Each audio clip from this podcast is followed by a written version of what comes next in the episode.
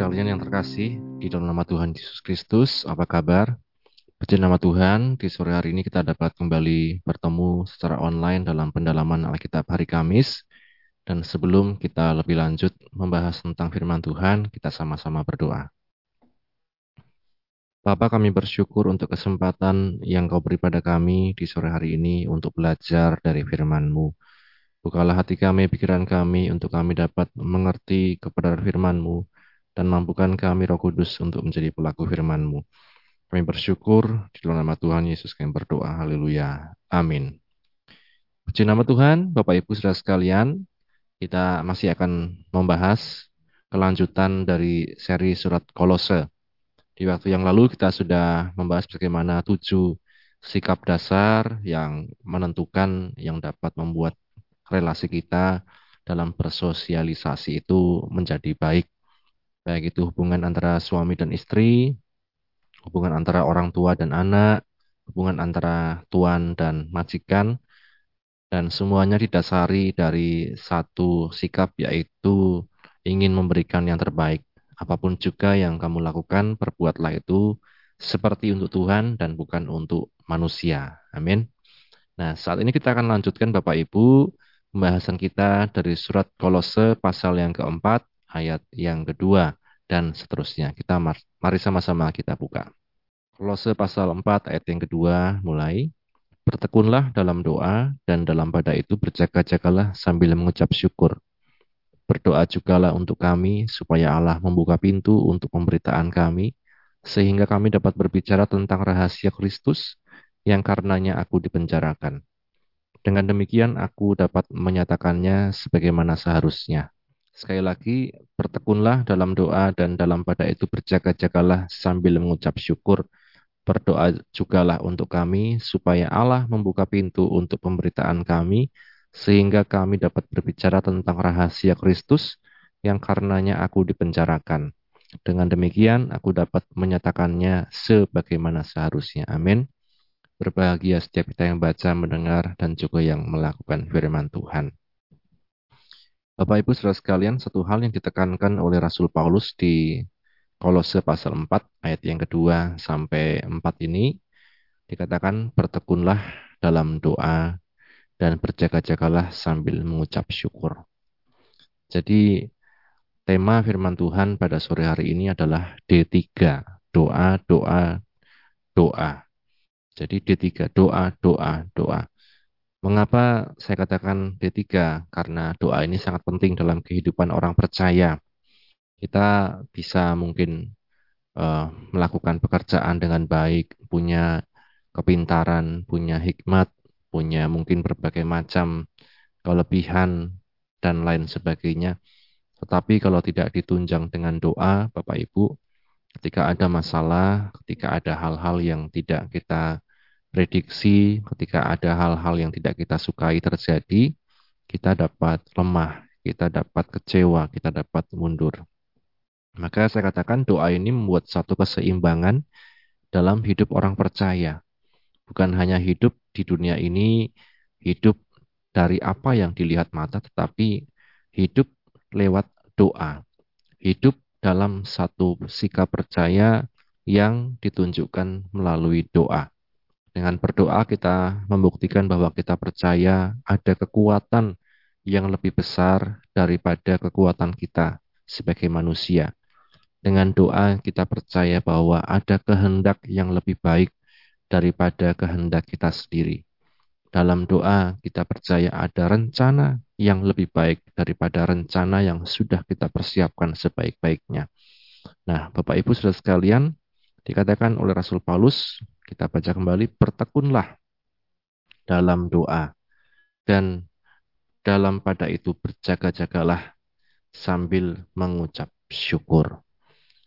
Dalam terjemahan lain, terjemahan lama kita lihat dikatakan hendaklah kamu bertekun dalam doa dan jagalah di dalam hal itu dengan mengucap syukur. Ini terjemahan lama. Kemudian terjemahan Alkitab bahasa Indonesia sehari-hari dikatakan, hendaklah kalian berdoa dengan tekun dan siap siaga sambil mengucap syukur kepada Allah. Nah, Bapak Ibu sudah sekalian kalau kita melihat dari berbagai macam terjemahan ini artinya doa dan pengucapan syukur itu adalah dua hal yang seharusnya tidak bisa dipisahkan. Pertekunlah dalam doa dan dalam pada itu berjaga-jagalah sambil mengucap syukur. Berjaga-jagalah sambil mengucap syukur. Di Matius pasal 26 ada satu kisah di mana Tuhan Yesus mengajak para murid untuk berdoa di Taman Getsemani. Kita baca Matius 26 ayat 36. Maka sampailah Yesus bersama-sama murid-muridnya ke suatu tempat yang bernama Getsemani. Lalu ia berkata kepada murid-muridnya, duduklah di sini, sementara aku pergi ke sana untuk berdoa. Dan ia membawa Petrus dan kedua anak Zebedius sertanya. Maka mulailah ia merasa sedih dan gentar. Lalu katanya kepada mereka, hatiku sangat sedih seperti mau mati rasanya. Tinggallah di sini dan berjaga-jagalah dengan aku. Ya, Tuhan Yesus katakan berjaga-jagalah dengan aku, artinya tetap terjaga, tetap waspada. Sementara Tuhan Yesus itu sedang berdoa. Ayat 39, maka ia maju sedikit lalu sujud dan berdoa katanya, Ya Bapakku, jikalau sekiranya mungkin biarlah cawan ini lalu daripadaku, tetapi janganlah seperti yang ku kehendaki, melainkan seperti yang engkau kehendaki ayat 40. Setelah itu ia kembali kepada murid-muridnya itu dan mendapati mereka sedang tidur. Dan ia berkata kepada Petrus, Tidakkah kamu sanggup berjaga-jaga satu jam dengan aku? Ayat 41, Berjaga-jagalah dan berdoalah, supaya kamu jangan jatuh ke dalam pencobaan. Roh memang penurut, tetapi daging lemah. Di sini Yesus katakan kepada Petrus, berjaga-jagalah dan berdoalah supaya kamu jangan jatuh ke dalam pencobaan. Roh memang penurut, tetapi daging lemah. Berjaga-jaga diibaratkan seperti orang yang sedang waspada, Bapak Ibu saudara sekalian. Maka di ayat 40, setelah itu ia kembali kepada murid-muridnya dan mendapati mereka sedang tidur atau tidak waspada, tidak berjaga-jaga. Dan ia berkata kepada Petrus, Tidakkah kamu sanggup berjaga-jaga satu jam dengan aku? Kata satu jam di sini bisa kita artikan secara harafiah, bisa juga kita artikan sebagai satu waktu yang kita khususkan atau dikuduskan untuk bersama-sama dengan Tuhan untuk berdoa. Bapak Ibu saudara sekalian, kalau kita pikir-pikir, kita hitung-hitung dalam satu hari ada 24 jam. Bisakah kita satu jam saja berjaga-jaga dan berdoa dengan Tuhan? Pandemi membuat ibadah dipersingkat. Kalau dulu bisa satu jam lebih, bisa sampai dua jam lebih. Kalau sekarang satu jam, ya di masa pandemi sangat ketat ya, satu jam. Kemudian setelah pandemi mulai mereda, orang-orang sudah divaksin, kita bisa satu jam lebih, satu setengah jam bisa. Nah, artinya bahwa dalam seminggu, kalau kita hitung-hitung lagi 24 jam kali 7, itu berapa? 168 jam. 24 jam dikali 24 jam dikali 7 hari, 168 jam. Apakah kita tidak bisa meluangkan satu jam saja, satu setengah jam saja untuk beribadah kepada Tuhan, untuk berdoa kepada Tuhan? Wah, kan bisa berdoa di rumah. Oke, di rumah 24 jam, Bapak Ibu. Apakah kita bisa meluangkan waktu untuk bersaat teduh kepada Tuhan atau ada saja alasannya waduh ngantuk capek akhirnya berdoa asal-asalan lima menit sudah ya Tuhan terima kasih saya sudah bangun. Terima kasih saya sudah uh, kembali bisa beraktivitas. Tuhan saya mau makan. Tuhan saya mau minum. Tuhan saya mau pergi bekerja. Tuhan terima kasih saya sudah selesai bekerja. Saya sudah sampai di rumah. Lalu kemudian kita bisa scroll, scroll media sosial. Sekarang kan zaman scrolling media sosial Bapak Ibu, baik IG, Facebook, Twitter, ya, WhatsApp dan lain-lain. Kita bisa kalau di Instagram itu ada waktu berapa lama kita melihat layar itu dalam satu hari. Bisa dihitung, bisa berjam-jam. Tapi mengapa untuk berjaga-jaga dan berdoa satu jam saja, misalnya untuk Tuhan, itu sangat sulit. Membaca firman Tuhan satu pasal saja. Mengapa sangat sulit? Padahal kita bisa baca berita, bisa baca gosip artis, bisa baca hal-hal lain. Mengapa kita tidak bisa mendengarkan misalnya musik-musik rohani, bersaat teduh bersama Tuhan, padahal kita sepanjang hari mungkin bisa setel musik yang kita suka. Nah, Bapak Ibu, firman Tuhan katakan roh memang penurut tetapi daging ini lemah. Artinya bahwa kalau kita mau terus seperti itu, artinya kita terus menuruti daging kita. Artinya bahwa kita terus melemahkan roh kita, manusia rohani kita.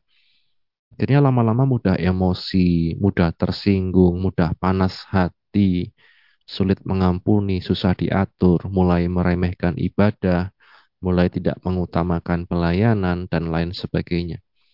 Nah, ini Bapak Ibu sudah sekalian, sadarkah kita semua itu dimulai dari bagaimana kita memanajemen waktu kita dengan baik. Apa yang seharusnya bagi Tuhan, ya kita berikan pada Tuhan. Seperti uang, misalnya ketika Petrus itu akan disuruh Tuhan menangkap ikan, kemudian di dalamnya akan ada uang yang didapatkan. Tuhan Yesus katakan, apa yang buat Tuhan, berikan untuk Tuhan. Apa yang buat kaisar, berikan untuk kaisar. Kalau kita waktunya sekolah, berikan untuk sekolah. Kalau kita waktunya untuk Tuhan, misalnya e, ibadah, berikan untuk Tuhan. Waktunya latihan, latihan untuk Tuhan. Waktunya melayani, melayani untuk Tuhan. Walaupun di semua bidang kita melakukannya seharusnya untuk Tuhan. Kita bekerja untuk Tuhan, kita sekolah untuk Tuhan. Kalau kita menyadari hal itu, sangat baik. Tetapi kalau kita belum sadari hal itu, mari apa yang sudah waktunya ibadah kita lakukan untuk ibadah. Saat teduh, ya mari saat teduh. Jangan justru kita korupsi waktu dengan apa? Dengan mengesampingkan hal yang utama menjadi hal-hal yang tidak utama. Ibadah, pelayanan, pengorbanan, dan lain sebagainya di nomor dua kan. Yang penting tentang hidup saya, tentang apa yang saya mau, tentang apa yang saya inginkan, dan lain sebagainya. Nah, maka firman Tuhan katakan roh memang penurut tetapi daging lemah. Tetapi bukan kemudian menjadi alasan, ya saya tidak mampu. Roh kan penurut tetapi daging lemah. Ya kan saya masih daging dan lain sebagainya. Nah, Tuhan Yesus katakan kalau kamu tidak berjaga-jaga dan berdoa, kamu akan jatuh dalam pencobaan. Pencobaan itu dapat datang dari berbagai macam hal. Misalnya di Yakobus pasal 4 ayat 1 dari manakah datangnya sengketa dan pertengkaran di antara kamu? Bukankah datangnya dari hawa nafsumu yang saling berjuang di dalam tubuhmu? Kamu mengingini sesuatu tetapi kamu tidak memperolehnya, lalu kamu membunuh. Kamu iri hati tetapi kamu tidak mencapai tujuanmu, lalu kamu bertengkar dan berkelahi. Kamu tidak memperoleh apa-apa karena kamu tidak berdoa. Ayat 3, atau kamu berdoa juga, tetapi kamu tidak menerima apa-apa karena kamu salah berdoa Sebab yang kamu minta itu hendak kamu habiskan untuk memuaskan hawa nafsumu. Ya. Ayat 4, peringatan, hai kamu orang-orang yang tidak setia, tidakkah kamu tahu bahwa persahabatan dengan dunia adalah permusuhan dengan Allah? Jadi barang siapa hendak menjadi sahabat dunia ini, ia menjadikan dirinya musuh Allah. Nah, Bapak Ibu Saudara sekalian, bagaimana sih kita bisa menghabiskan banyak waktu ya yaitu kalau kita menjadi seorang sahabat kalau seorang sahabat ketemu dengan sahabatnya tentu akan bisa menghabiskan banyak waktu untuk bercengkerama, untuk berdialog, untuk ber berbicara dan lain sebagainya, menghabiskan waktu bersama. Demikian juga kalau kita semakin hari semakin bercintakan dunia ini, kadang saya semakin melihat bagaimana kita mungkin makin dibawa oleh konsep-konsep dunia ini. Kalau kamu jadi orang sukses itu harusnya gini, harusnya begini, harusnya begitu. Kalau kamu punya uang tuh harusnya begini, begini, begitu. Bapak Ibu saudara sekalian hati-hati, jangan sampai kita jadi bersahabat dengan dunia dan menjadi musuh Allah. Cirinya apa? Salah satunya adalah dengan keterikatan pada segala konsep dunia. Harusnya kamu kalau jadi orang itu begini, harusnya kalau kamu punya uang itu begini, tunjukkan kepada dunia kamu punya uang, kamu bisa kemudian menunjukkan, memamerkan hal-hal yang kamu miliki, dan lain sebagainya. Hati-hati sekali lagi, jangan sampai kita bercintakan dunia. Persahabatan dengan dunia adalah permusuhan dengan Allah. Nah, maka tadi dari mana datangnya sengketa? Dari apa? Keinginan yang tidak kemudian kita tidak terima. Kita tidak memperoleh apa-apa karena tidak berdoa atau berdoa tetapi tidak menerima apa-apa karena salah berdoa karena yang diminta untuk dihabiskan untuk memuaskan hawa nafsu. Maka hati-hati bagi kita sekalian Bapak Ibu kalau mulai tidak suka berdoa, mulai mengesampingkan ibadah, pelayanan, hati-hati. Kita tanyakan pada diri kita sendiri apakah kita mulai bercintakan dunia, bersahabat dengan dunia. Kalau kita mulai kesulitan berdoa satu jam, mulai kesulitan untuk beribadah satu jam, ibadah satu jam, satu setengah jam, yang kita lakukan hanya main HP, hanya ngurus dagangan kita, hanya ngurus bisnis kita, bagaimana, apakah ada yang sudah order, dan lain sebagainya. Hati-hati. Untuk satu jam saja kita sulit, ya untuk satu jam dalam 168 jam seminggu saja kita sulit. Bagaimana dengan satu jam dalam 24 jam dalam sehari? Nah ini. Lalu kemudian kita alasan itu kan hanya pendeta yang butuh seperti itu. Itu kan karena Anda keluarga hamba Tuhan, makanya Anda bisa seperti itu. Bapak Ibu saudara sekalian, firman Tuhan katakan tidak, bukan demikian. Kepada semua orang percaya, Paulus katakan, kita kembali kepada Kolose ya. Kolose pasal 4 Ayat yang kedua, bertekunlah dalam doa. Ini kepada semuanya, bukan hanya kepada Paulus, bukan hanya kepada pelayan-pelayan Tuhan, bukan hanya kepada hamba Tuhan. Dan dalam pada itu berjaga-jagalah sambil apa? Mengucap syukur. Ketika kita berdoa, dikatakan sambil mengucap syukur itu artinya kita berserah kepada Tuhan. Kita percaya bahwa segala sesuatu yang terjadi itu karena kehendak Tuhan. Kalaupun doa kita tidak dijawab atau belum dijawab, kita bisa bersyukur kepada Tuhan. Bapak Ibu Saudara sekalian, mungkin ada keinginan-keinginan hal-hal yang kita rencanakan tetapi belum di sama Tuhan, ya bersyukur pada Tuhan. Jangan justru kita makin ngotot, kita makin tidak terima, kita makin kenceng. Padahal Tuhan hanya ingin kita bersyukur kepada Tuhan. Amin Bapak Ibu. Jadi yang pertama doa dan ucapan syukur ini bukan hal yang terpisah. Berdoa, berjaga-jaga sambil mengucap syukur. Yang kedua kita melihat di ayat 3, Berdoa jugalah untuk kami, supaya Allah membuka pintu untuk pemberitaan kami, sehingga kami dapat berbicara tentang rahasia Kristus yang karenanya aku dipenjarakan. Amin. Yang kedua, kita berdoa agar Injil semakin diberitakan, agar rahasia Kristus semakin diberitakan. Paulus katakan berdoa juga untuk kami. Siapa? Paulus, hamba-hamba Tuhan lain yang itu melayani Tuhan dalam penginjilan, memberitakan kabar baik, memberitakan tentang rahasia Kristus, dikatakan berdoa jugalah untuk kami, supaya Allah membuka pintu pemberitaan kami. Atau dalam bahasa lain, supaya Allah membuka kesempatan untuk berbicara tentang rahasia Kristus yang karenanya aku dipenjarakan. Kita coba baca di Alkitab terjemahan sehari-hari. Dikatakan berdoa jugalah berdoalah juga untuk kami supaya Allah memberikan kepada kami kesempatan yang baik untuk menyebarkan berita tentang rahasia Kristus. Karena hal itulah maka saya sekarang ini berada dalam penjara. Karena apa? Memberitakan rahasia Kristus. Nah, Bapak Ibu, kalau kita lagi di bis, mungkin kita lagi bersama dengan teman-teman kita, mungkin lagi bersama dengan siapa pun itu, dikatakan firman Tuhan, adakah kita merasa punya kesempatan untuk memberitakan Injil. Firman Tuhan katakan berdoa, perlu doa. Agar apa? Agar diberikan kesempatan yang baik untuk menyebarkan berita tentang rahasia Kristus. Artinya bahwa penginjilan itu bukan kebiak uyah, bukan sembarangan. Kita ke pasar, ketemu orang langsung beritakan Injil, wah kita bisa kena undang-undang, kena pasal, yaitu penyebaran keyakinan lain ya. Kena pasal hukum. Tapi dikatakan firman Tuhan berdoalah agar ada kesempatan yang baik. Mungkin kita lagi di persimpangan jalan, kita ketemu orang, kita beritakan Injil. Ada kesempatan yang baik. Bukan sembarangan memberitakan Injil. Termasuk kepada hamba-hamba Tuhan tidak bisa sembarangan memberitakan Injil. Berbahaya.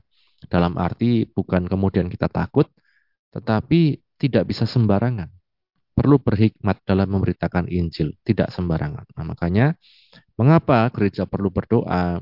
Dikatakan berdoa juga lah untuk kami supaya Allah memberikan kesempatan yang baik untuk menyebarkan Injil atau berita tentang rahasia Kristus. Bahkan Paulus katakan dia sampai risikonya di penjara, bukan karena dia takut, Tetapi dikatakan karena ya memang itulah kesempatan yang dikatakan diizinkan Tuhan. Dia juga bisa beritakan Injil melalui penjara itu. Nah, artinya kita butuh doa, Bapak Ibu sekalian. Gereja butuh doa, hamba-hamba Tuhan butuh doa. Persekutuan doa umum, saya harap kita bisa datang bersama-sama dengan setia. Bukan hanya untuk pelayan-pelayan yang mau melayani Tuhan, tetapi untuk gereja Tuhan. Karena gereja tanpa penginjilan itu hanya akan menjadi gereja yang sibuk dengan aktivitas hanya sibuk dengan pelayanan, hanya sibuk ngurusi orang lain. Hanya sibuk nanti kalau Natal sibuk latihan, latihan, latihan. Tapi dalam memberitakan Injil, kemudian tidak punya satu kekuatan, tidak punya power, tidak punya kesempatan. Karena apa?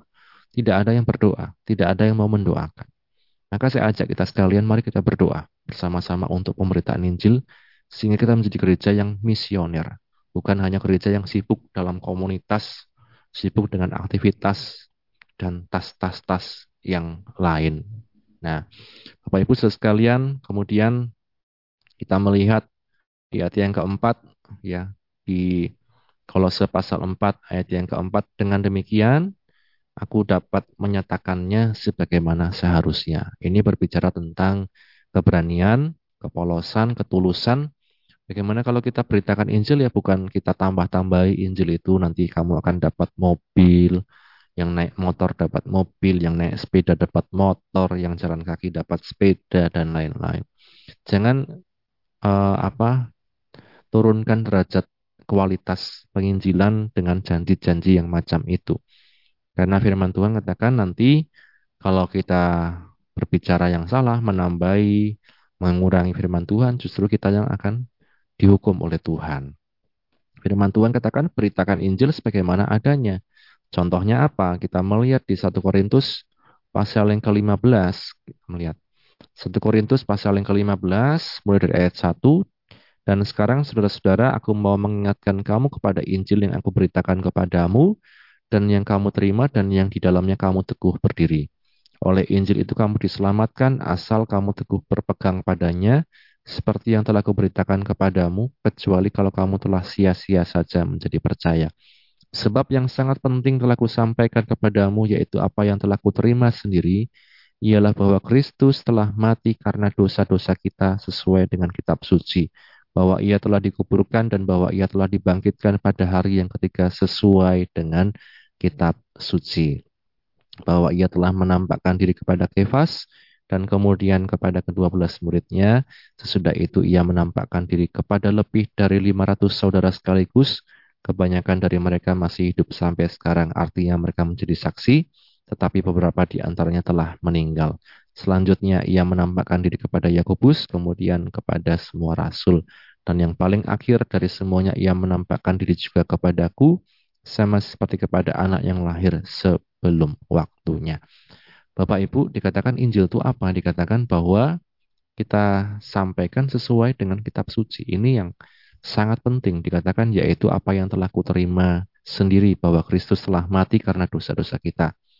Kalau kita sampaikan Injil dikatakan Kristus telah mati karena dosa-dosa kita. Artinya kita manusia berdosa, seharusnya dihukum, menghadapi hukuman kekal, tetapi karena pengorbanan Kristus kita diselamatkan sesuai dengan kitab suci bahwa ia telah dikuburkan benar-benar mati ya manusia tubuh jasmani Yesus dan bahwa ia telah dibangkitkan pada hari yang ketiga sesuai dengan kitab suci. Bukan hanya mati karena dosa, tetapi bangkit untuk menjadi kebenaran bagi kita sekalian. Karenanya setiap orang yang percaya kepada Yesus, dia ditebus dari dosa-dosanya, diselamatkan, dijadikan milik kepunyaan Tuhan sendiri, dibenarkan. Karenanya mempunyai hak untuk mendapat kehidupan yang kekal, keselamatan di dalam Tuhan Yesus. Ini yang kita beritakan Bapak Ibu Saudara sekalian bukan hanya kepada hamba Tuhan, pendeta, tapi kita pun bahkan kita yang bergaul di masyarakat, memiliki jangkauan luas, kita dipakai Tuhan untuk memberitakan Injil, memberitakan kabar baik. Utamanya tentu dalam sikap hidup kita.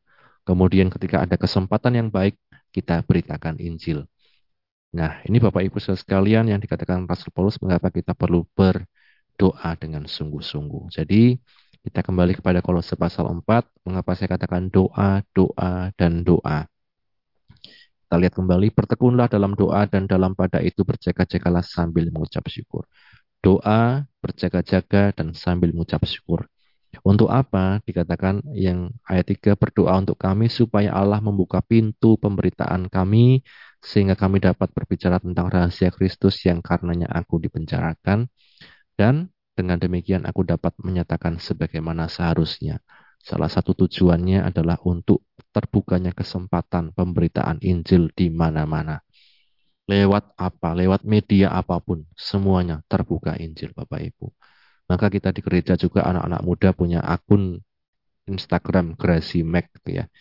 Salah satunya untuk memberitakan Injil lewat cara-cara yang baik, cara-cara anak muda sekarang.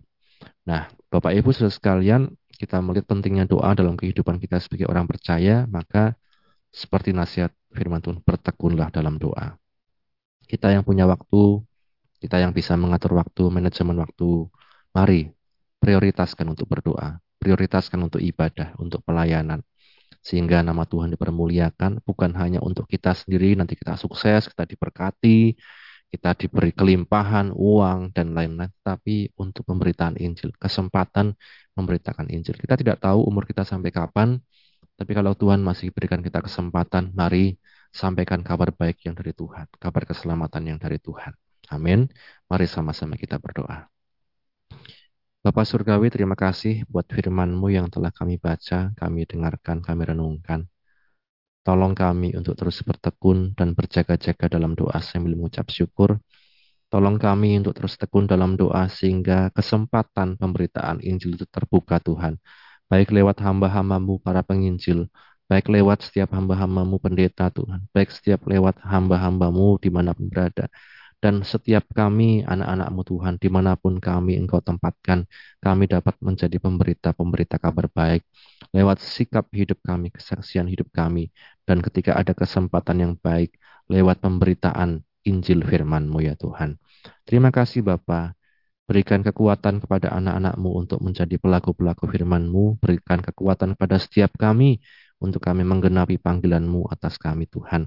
Berkatilah mereka yang sudah mendengar firman-Mu di mana pun berada, mereka yang sakit Engkau sembuhkan, mereka yang lemah kuatkan, mereka yang susah hiburkan, mereka yang dalam permasalahan berikan jalan keluar. Secara khusus juga untuk emak Tuhan yang diandung sili Engkau yang berikan pemulihan, kekuatan, kesehatan ya Tuhan. Kami bersyukur ya Bapa dan kami telah selesai Tuhan mendengar firman-Mu, belajar dari firman-Mu, dan Engkau yang memberkati setiap kami. Hanya di dalam nama Tuhan Yesus Kristus kami sudah berdoa mengucap syukur. Haleluya. Amin. Puji nama Tuhan, Tuhan Yesus memberkati kita sekalian. Amin.